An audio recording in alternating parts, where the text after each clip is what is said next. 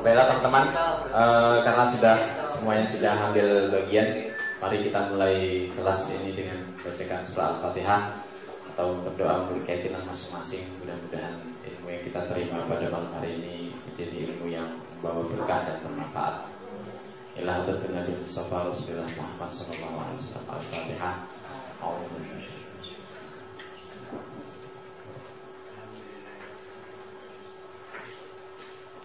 Selanjutnya kami persilakan kepada Pak Faiz.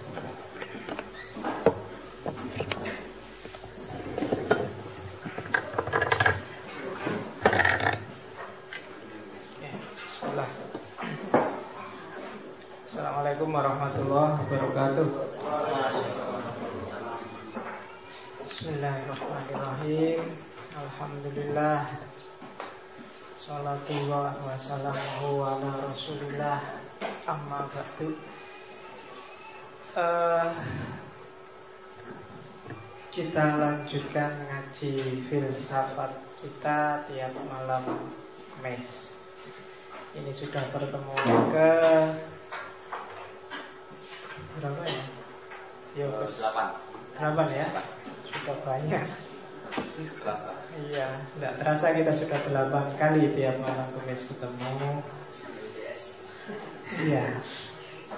Tapi saya lihat ada wajah-wajah baru ya selalu setiap ya. hari ini juga tak lihat ada banyak yang kemarin-kemarin ya saya lihat sekarang ada lagi. Semoga tidak giliran saya susah ini karena ini ngomong dasar nanti dasarnya bolong-bolong susah kamu. Jadi ya meskipun bisa lah dipahami secara terpisah-pisah Tapi ada baiknya utuh karena biasanya orang yang ilmunya setengah-setengah itu cenderung gaya. Itu biasanya. Dan jangan kaget nanti di puncaknya ketika kamu mungkin menguasai sangat banyak hal Mungkin kamu justru kayak Socrates. Iya Ternyata satu-satunya yang saya tahu Saya itu nggak tahu apa-apa. Iya jadi semakin orang dulu kok gitu? Lalu nanti semakin dia ketemu fakta baru Ketemu wawasan baru terus Aduh Berarti memang selama ini aku itu tidak tahu apa-apa. Itu semacam puncak Kalau di Socrates. Sehingga dia masuk ke filsafat itu tidak karena Dan disebut filosof bukan karena dia ngerti beragam teori filsafat. Tapi karena dia punya mental dan punya gaya hidup dan punya gaya berpikir yang filosofis. Zaman Socrates kan belum ada teori-teori filsafat kelas tinggi, tapi memang hidupnya Socrates itu sendiri filosofis. Makanya saya ketika ngaji ini tidak banyak-banyak ngasih buku, tidak banyak ngasih nama tokoh, pokoknya gimana caranya ini nanti operatif ada gunanya untuk hidup kita. Oke, kemarin logika edisi pertama kita sudah belajar cara berpikir yang benar. Hari ini kebalikannya. Pemikiran yang salah. Bukan ngajari kamu cara berpikir yang salah, cuma hati-hati banyak yang kamu anggap benar dalam diskusi, dalam berargumen kadang-kadang seolah-olah itu benar, tapi kalau di renung-renungi kok ya tidak pas. Itu namanya logical fallacy. Kesalahan logik. Kita lihat satu-satu.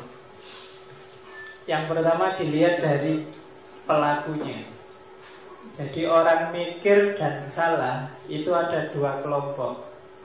Ada kelompok sofis dan ada kelompok paralogi.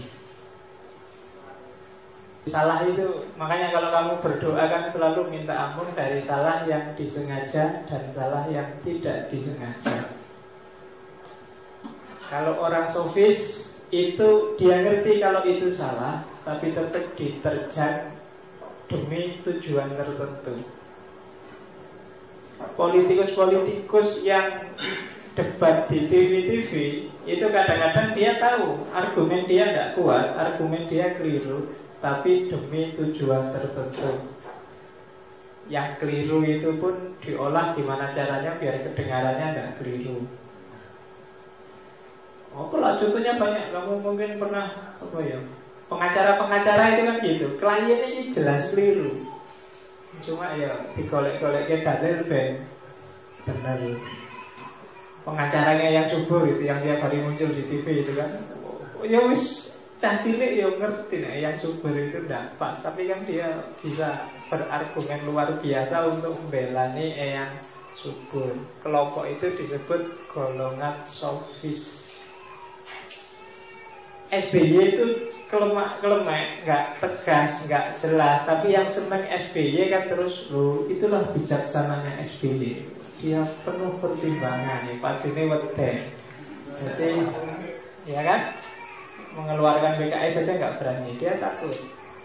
Tapi yang seneng SBY kan terus dia sengaja berpikir salah untuk belok SBY. Oh katanya siapa itu penakut? Itu namanya penuh perhitungan. Itu namanya, ah itu namanya kelompok sofis. Kamu sering juga nggak harus level besar. Kamu sendiri sehari-hari juga kadang-kadang ngerti salah yang ditabrak wae. Ujian itu nggak boleh nyontek tapi yo gimana lagi Argumennya apa? Dibikin aja apa susahnya Saya nyontek pak Tapi saya nyonteknya kan nilai ta'ala pak Ya saya bola argumen mau nyontek nilai ta'ala Tapi ya bikin aja Pacaran itu kan tidak apa-apa Dalam agama itu harus saling mengenal. Masa sudah jadi istri tidak kenal Oh pokoknya enggak-enggak oke. Nah itu kelompok sofis Tapi ada juga yang Pak ini kelompok sofis ini nggak saya ajarkan karena memang nggak ada teorinya. Pokoknya uang ngeyel untuk kepentingannya sendiri ya kan? Mungkin karena afiliasi kelompok afiliasi golongan mungkin karena teman. Ala konco dewi nggak mantep-mantep. Misalkan ada yang kayak gitu nah, itu sofis. Yang kita belajar adalah kelompok paralogis. Jadi kamu itu tidak ngerti kalau itu salah. Kamu merasa benar tapi janjinya keliru. Nah itu sering terjadi. Ah, kita inventarisir itu Saya tidak tahu ada berapa slide ini ya. 38 Nggak ngerti aku. Sembuh gitu Sampai nomor berapa Paling tidak kamu ngerti lah. Nanti 38 itu nggak selalu setiap slide ada satu salah Nanti ada yang beberapa. Agak cepet ya. Makanya Meskipun ini malam-malam Tapi kan sudah makan malam semua Jadi agak konsentrasi melihat. Ada yang belum makan? Iya. Tidak apa-apa. Terlalu kenyang juga tidak bisa mikir. Kalau ini alasan yang tetap benar Oke. Yang pertama ada namanya propositional fallacies Ini sebagian sudah saya sampaikan minggu lalu. Struktur argumen silogisme yang mengingkari antecedent, mengafirmasi konsekuen, induksi yang sesat, atau berpikir biner hitam putih. Yang kemarin saya sebut excluded middle. Jadi orang berpikir itu hati-hati dari dua premis itu hati-hati bagian antecedennya jangan diingkari. Kalau bagian antecedent diingkari pasti keliru punya Ferrari itu biasanya bukti bahwa orang itu kaya. Tapi dari asumsi ini ketika antecedennya, anteceden itu bagian awalnya paling gampang lah. Diingkari, kesimpulannya bisa keliru. Jadi berarti diingkari berarti kebalikannya kan Yang tidak punya Ferrari berarti miskin Kan gak miskin Itu mengingkari antecedent Kebalikannya konsekuen. Kalau tadi antecedent jangan diingkari, konsekuen jangan diafirmasi. Nanti juga keliru. Saya sedang flu, karena itu saya batuk karena flu. Tapi kalau konsekuennya diafirmasi, saya sedang batuk, berarti saya flu ya. Nah itu nggak mesti. Kadang-kadang banyak batuk itu kan nggak mesti karena flu. Ada batuk, apa?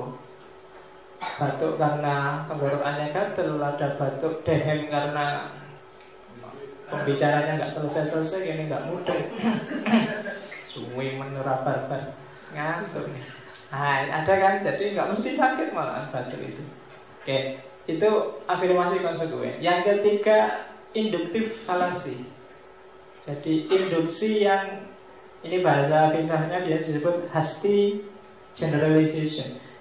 Generalisasi yang terburu-buru yang bikin sesat. Misalnya itu tak kasih contoh cincin. Cincin ini menunjukkan saya sudah menikah. Tapi kan nggak bisa digeneralisir Semua yang pakai cincin berarti sudah menikah. Saya dengar di Banyak orang bilang Di Amerika itu Kalau orangnya gay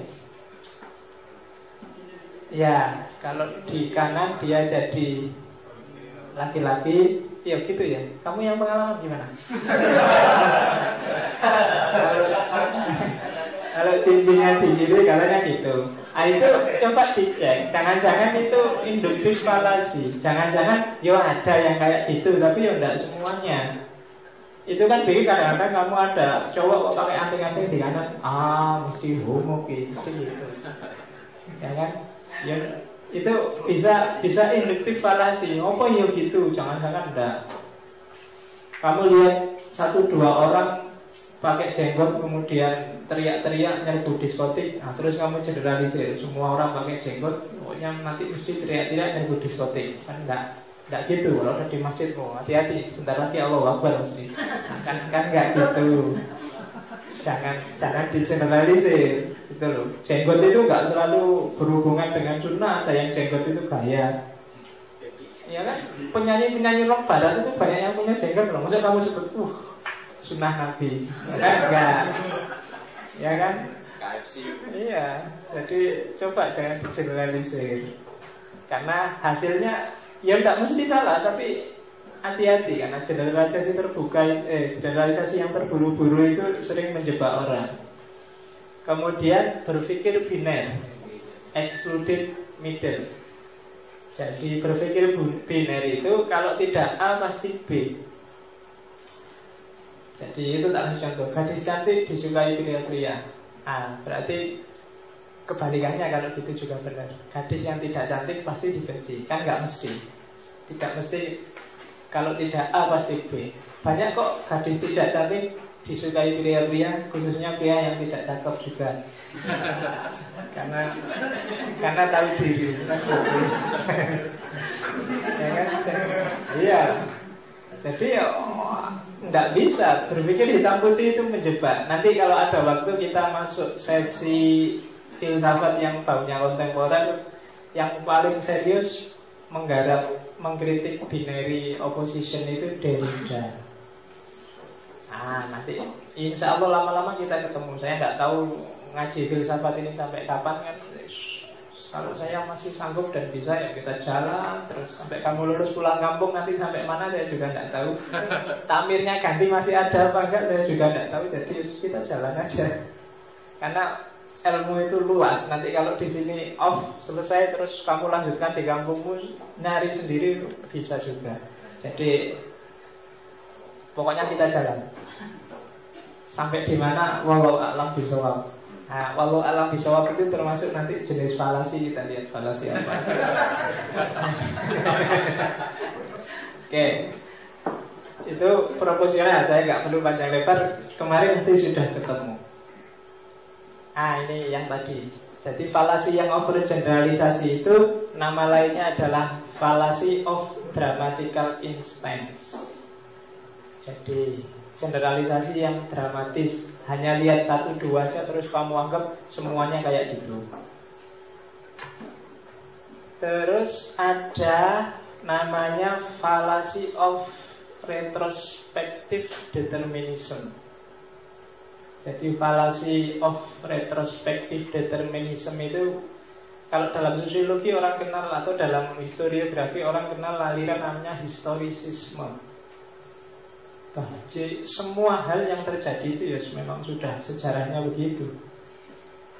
Semuanya ditentukan oleh sejarah. Tidak bisa dihindari. Prostitusi itu sepanjang sejarah ada Jadi jangan bermimpi untuk menghapus prostitusi. Nah, Itu fallacy of retrospective determinism. Jadi dianggapnya yang terjadi itu ya sudah takdirnya begitu Tidak bisa dihindari. Kemiskinan. Nah, Kemiskinan itu ya sejak dulu sampai sekarang ya ada orang miskin. Ya kan? Di Indonesia Alhamdulillah di Indonesia sekarang kemiskinan itu menurun jadi dari bapaknya menurun ke anaknya Jadi Iya Itu kesalahannya negara. Karena di Indonesia itu Fakir miskin kan dipelihara oleh negara. Karena dipelihara dia nggak habis-habis? Punya anak, punya cucu itu kan dipelihara. Tapi Harusnya kalimatnya diganti Fakir miskin tidak dipelihara Tapi diberantas atau gimana Di Indonesia malah dipelihara ya nggak akan hilang. Dipelihara terus kan, kamu bangga dengan kemisinanmu. Oke, jadi itu namanya fallacy of retrospective determinism. Jadi menganggap bahwa yo itu keniscayaan sejarah, mau nggak mau ya begitu. Nah, sekarang selanjutnya saya agak cepat aja. Ini sudah tak sebut minggu lalu ketika ngomong cara berpikir kausalitas. Namanya post hoc ergo propter hoc. Istilahnya keren ya. Bisa kamu apalkan untuk gaya kalau diskusi? Kamu kan sering gitu. Memulung istilah-istilah keren. Jadi Iya. Pemulung istilah-istilah keren. Mahasiswa anyaran biasa Jadi Ini karena kesalahan Melihat sebab. Yang bukan sebab Dianggap sebab. Sehingga cara berpikirnya keliru. Post hoc ergo propter hoc. Sesudah itu maka terus itu. Gitu.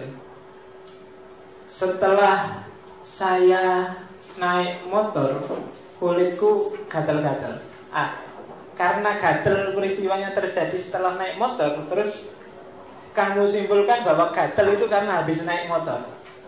Nah itu namanya post hoc ergo propter hoc. Karena tidak mesti kok gatelmu itu disebabkan oleh peristiwa sebelum itu. Mungkin jauh sebelum itu. Ayo, tak kasih contoh itu, tak kasih beberapa contoh. Misalnya ada orang tua, saya tidak tahu zaman sekarang apa ada istilah pilih kasih. Pilih kasih misalnya dia lebih sayang pada anaknya yang kedua karena dulu zaman punya anak pertama masih miskin Anak pertama itu. Begitu lahir anak kedua Tiba-tiba kaya. Oh, Maka oh ini anak ini ngerjain ini mesti. Terus lebih sayang sama anaknya yang kedua. Nah, Itu logika yang post hoc ergo propter hoc Tak kasih contoh ponari juga itu. Ada orang sakit Terus sama ponari dikasih. Saya mau tak kasih contoh batu Kok kalimatnya jadi panjang tak kasih pokoknya air diludahi ponari. Jadi intinya terus kamu nyebut bahwa yang menyembuhkan itu batunya ponari misalnya. Ah itu post hoc ergo problem hoc. Apa ya batunya beneran atau jangan bukan batunya, sugestinya atau apanya itu yang tidak tahu. Kamu ke dokter dikasih kadang-kadang dokter itu ngasih obat juga kadang dikasih jenis-jenis paracetamol, jenis-jenis yang yang bikin kamu agak tentram sakit nyerinya terus penyakit aslinya sembuh dengan sendirinya. Tapi kamu nggak ngerti dianggapnya paracetamol itu yang menyembuhkan. Di tempat saya saya aslinya Mojokerto zaman saya kecil itu orang sakit apa pun datanya ke mantri. Dan sama mantrinya harus disuntik. Kalau belum disuntik belum mampu jadi nganggapnya sembuh itu gara-gara suntik itu. Sakit apa pun. Nah itu namanya post hoc ergo propter hoc. Sebelum disuntik belum. Dianggapnya suntik itulah sebabnya sembuh. Kamu menganggap bahwa gara-gara minyak wangi lah terus cewek-cewek dekat padamu. Kamu menganggap bahwa gara-gara sampumu lah terus ah, Itu post hoc ergo propter hoc. Gak mesti kok Gara-gara itu Jadi peristiwa sebelum tidak selalu jadi akibat bagi peristiwa selanjutnya. Bahkan yang ekstrim kayak David Hume yang anti kausalitas itu kan juga tidak percaya ada kayak gitu. Yang kita sebut kausalitas itu hanya kebetulan saja ada peristiwa yang berurutan. Zali lebih ekstrim lagi, cuma beda ekstrimnya sama David Hume. Sama-sama tidak setuju kausalitas, cuma kalau Ghazali vertikal argumennya. Sebab itu ya suka-sukanya Allah. Kalau Allah menghendaki kamu jeleknya kayak gitu bisa dapat artis bisa saja. Nggak ada dipikir saya kausalitas nggak mungkin saya jadi presiden. Tapi kalau Allah menghendaki bisa itu Ghazali. Ya siapa ngerti tiba-tiba orang se Indonesia edan semua. Terus milihlah saya terus dipilih tenanan. Kamu kan ah Omai Rama tidak mungkin gak masuk akal Omai Rama bisa jadi presiden. Oh siapa tahu. Jangan-jangan nanti banyak orang milih Omai Rama. Karena kamu yang tidak sering Omai Rama akhirnya golput semua dan penggemarnya Omai Rama nyoblos semua. Ya. kamu kan sudah mau golput kan hari ini. Ah, nanti penggemarnya Omai Rama sudah Oke. Itu post hoc ergo propter hoc. Ah, kalau ini namanya fallacy of misplaced concreteness. Jadi salah berpikir sesuatu yang abstrak dipandang seperti konkret dan bikin bulat. Jadi kamu nyari berargumen dengan sesuatu yang abstrak mengukurnya susah. Tapi yang abstrak ini kamu perlakukan seperti barang konkret. Nah itu yang berat. Biasanya orang pacaran ketika gombal itu biasanya gitu. Kita kasih contoh, rinduku sebesar gunung Merapi. Apa kamu bisa ngukur rindu? Rindu ya rindu, ingin ketemu, kangen. Apakah besarnya sebesar gunung atau sebesar apa nggak tahu kan kamu. Tapi kan dianggap kayak konkret. Itu biasanya menjebak. Jadi menjebak cara berpikir orang Cintaku seluas samudra. Karena terus bayangannya itu Itu mesti lebih dahsyat daripada yang cintanya cuma seluas sungai misalnya. Kan karena analisisnya kan gitu terusan Padahal ya cinta ya cinta. Senang ya senang, benci ya benci kan gitu. Tapi kan karena misplaced concreteness itu tadi Terus kamu bikin perbandingan. Cintamu sudah sungai apa samudra cintamu sebesar gunung apa cuma bukit? Kan terus ngono kamu mikirnya. Itu misplaced concreteness. Imanmu sedalam apa? Seteguh apa? Oh, itu kan berat kamu jawabnya kan kayak gimana ya teguhnya iman saya itu. Kan kamu mesti terus. Bingung menganalogikan. Nah, itu namanya misplaced concreteness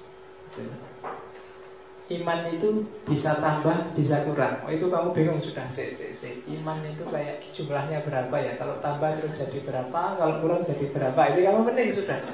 Apa bayanganmu kayak apa? Parameter itu yang bisa naik sekian derajat terus turun sekian derajat. Kamu bingung. Kayak hadis Nabi itu kan Barang siapa sholat berjamaah Maka pahalanya akan dilipatkan 27 derajat Waduh Bingung lagi kamu kan? Harusnya dilipatkan itu bukan derajat tapi kali. Ini derajat ya?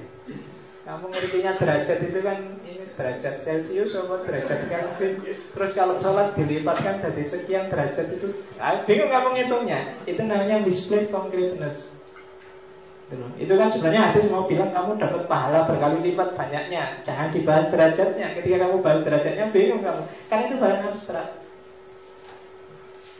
agama banyak. Yang kalau kamu analisis secara konkret kamu akan meleset karena dia memang bukan barang konkret.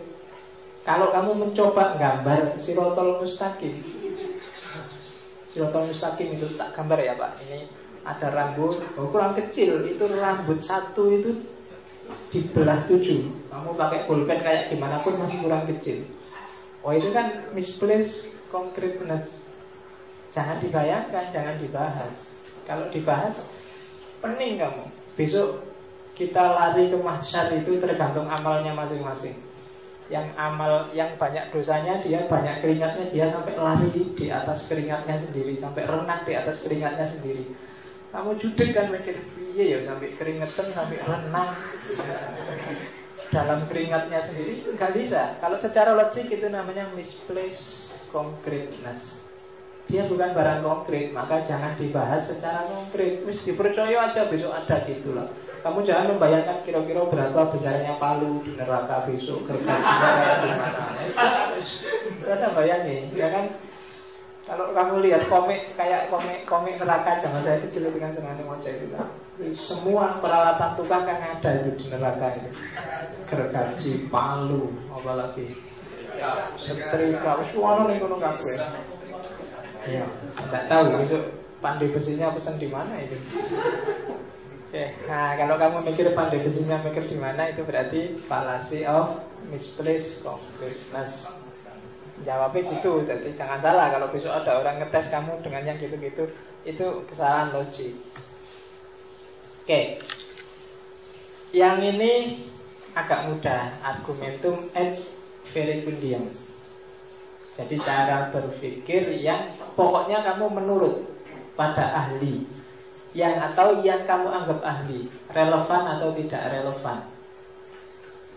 Omai Rama itu jelas bidangnya dangdut. Tapi begitu nyalon presiden kamu pilih. Kenapa? Karena Omai Rama idolamu.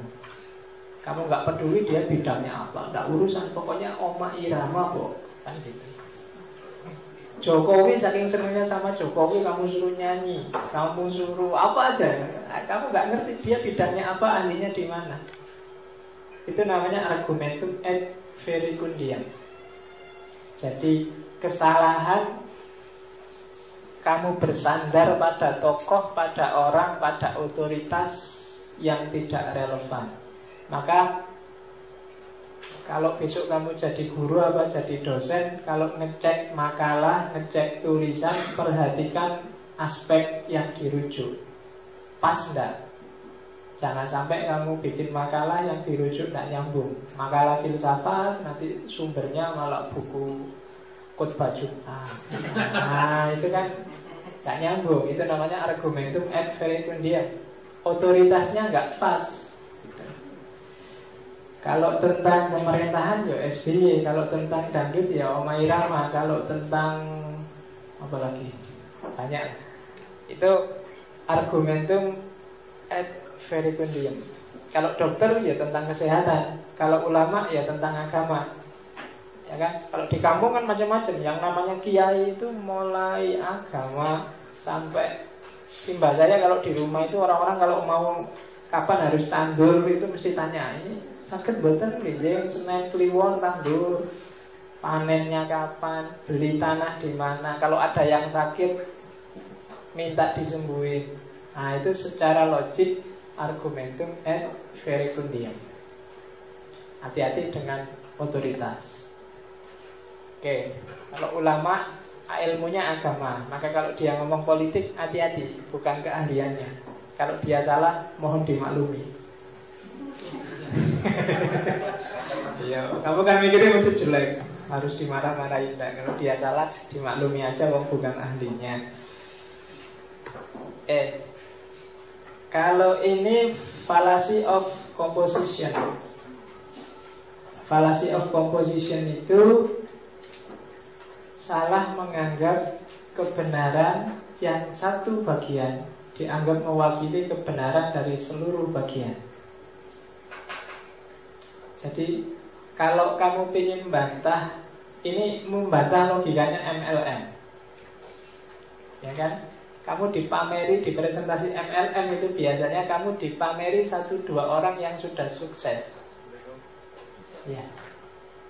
Nah, satu dua orang yang sudah sukses itu dijadikan dulu biar kamu ikutlah MLM ini kamu akan sukses kayak orang itu. Padahal sukses satu orang, sukses satu bagian, bukan jaminan sukses seluruh bagian. Ada sih satu dua yang sukses, tapi banyak yang tidak sukses. Dan pengalamanku semua temanku yang ikut MLM itu tidak ada satupun yang kaya gara-gara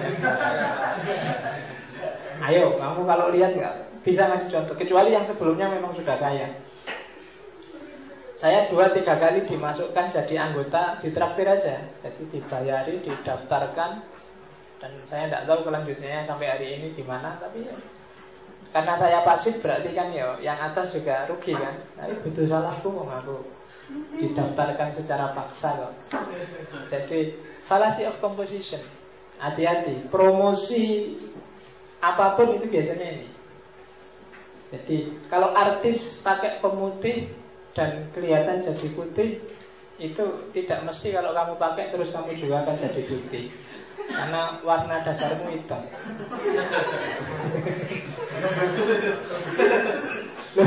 ya secara logik kalau warna dasar hitam itu dikasih warna apa aja tidak akan bisa berubah.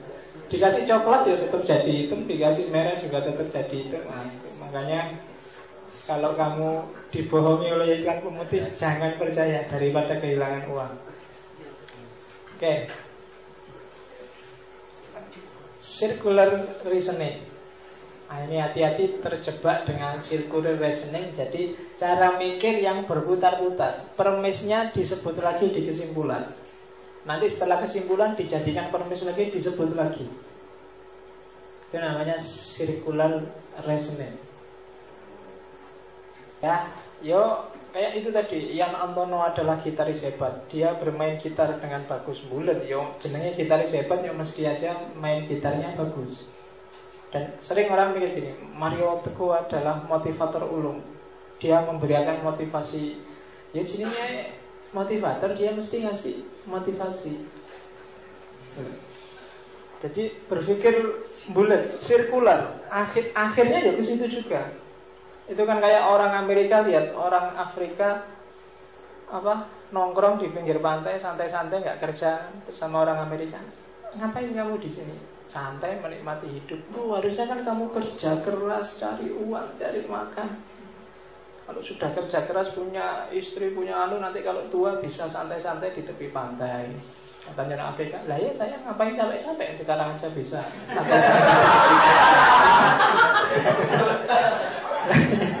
ngapain tidak capek-capek kerja keras sekarang sudah bisa santai-santai di tepi pantai istirahat liburan. Jadi Circular reasoning kamu mikirnya bulat. Nah, jadi hati-hati. Terus argumentum ad hominem. Argumentum ad hominem itu ketika berargumentasi yang diserang bukan pemikirannya tapi orangnya. Nah, yang sering terjadi itu kan. Alah, kamu mahasiswa ngerti apa sih udah manut aja nah, itu orangnya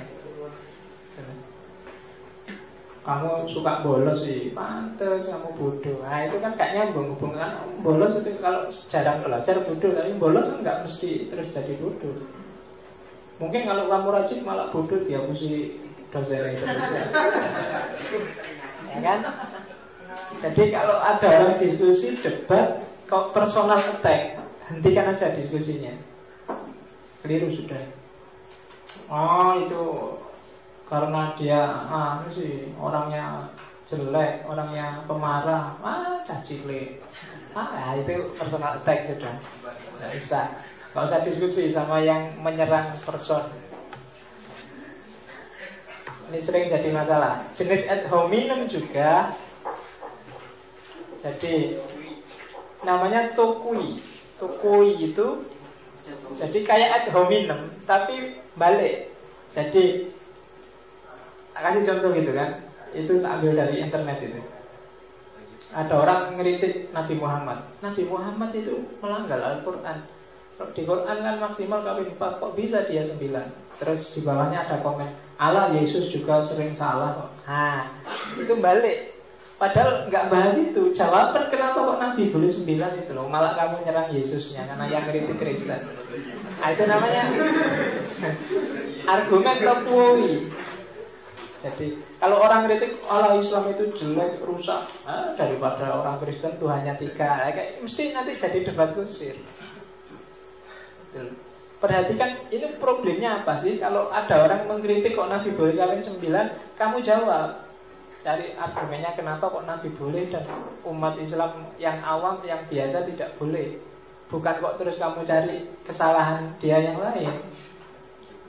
Kalau kamu dibilang, mbok kamu itu yang rajin, Allah kamu juga sering bolos. Nah, lo itu urusan lain. Aku bolos, aku nasihati kamu yang rajin itu benar apa enggak? Kalau benar ya diterima, kalau enggak ya dibantah. Kok malah nyerang aku? Urusan itu. Nah, itu argumen tukui. Jadi kalau ada yang gitu, jadi kalau kamu ngeritik orang kok dia baliknya kayak gitu, nanti dulu selesaikan dulu problem pertama, malah kamu nambah problem kedua, ya kan? Ah, mbok kamu kalau malam minggu jangan pacaran aja, belajar. Oh, kue yang ngono wae Nah, itu kan balik namanya argumen tukui. Hasilnya mesti gegeran. ya kan?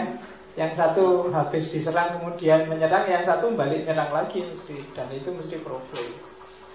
Jadi, jadi debat itu kamu perhatikan benar argumen itu biasanya kalau lurus itu produktif, tapi begitu nggak karu-karuan argumen itu tawuran.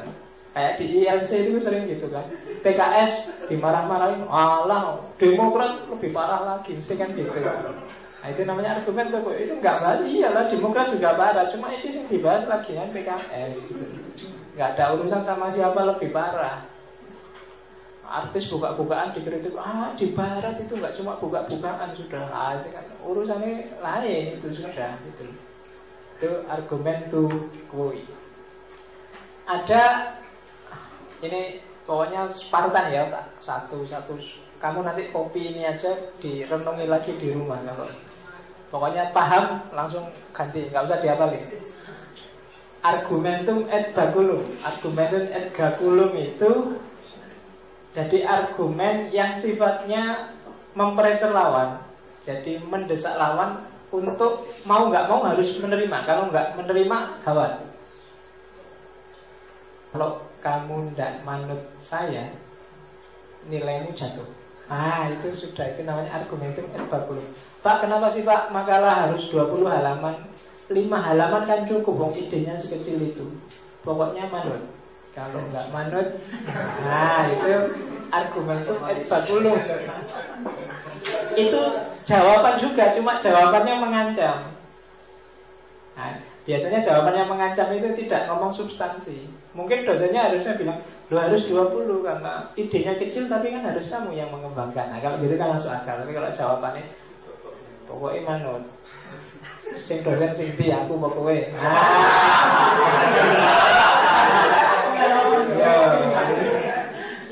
Yo, argumen itu et bakulum. Ngapain sih pak harus pakai sepatu? Hubungannya apa sepatu sama jawabannya kan bisa ditebak. Eh, pengen dilayani apa enggak? Kalau enggak mau ya sudah. Yo, jadi argumentum et baculum. Jadi sambil pressure kamu protes ke orang tuamu apa terus? Lo ya terserah. Kalau nggak mau ya besok nggak kirim lagi lo ah sudah. Selesai sudah kan? Itu namanya argumentum et baculum. Ya diskusi antar kamu sering juga gitu kan? Kadang-kadang. Ya wis kalau kamu nggak mau ikut petunjukku ya besok nggak usah bareng lagi. Jalan kaki aja kamu. Kuliah kan? Kamu biasanya bareng. Jadi argumentum et, apalagi sama pacar logika ini mesti sering dipakai. Ya kan? Masih mau nggak sama aku? gitu. Ya kan? Apa kan kamu Tolong aku dijemput sekarang iso aku lagi kuliah Ya sudah aku diantar yang lain loh nah,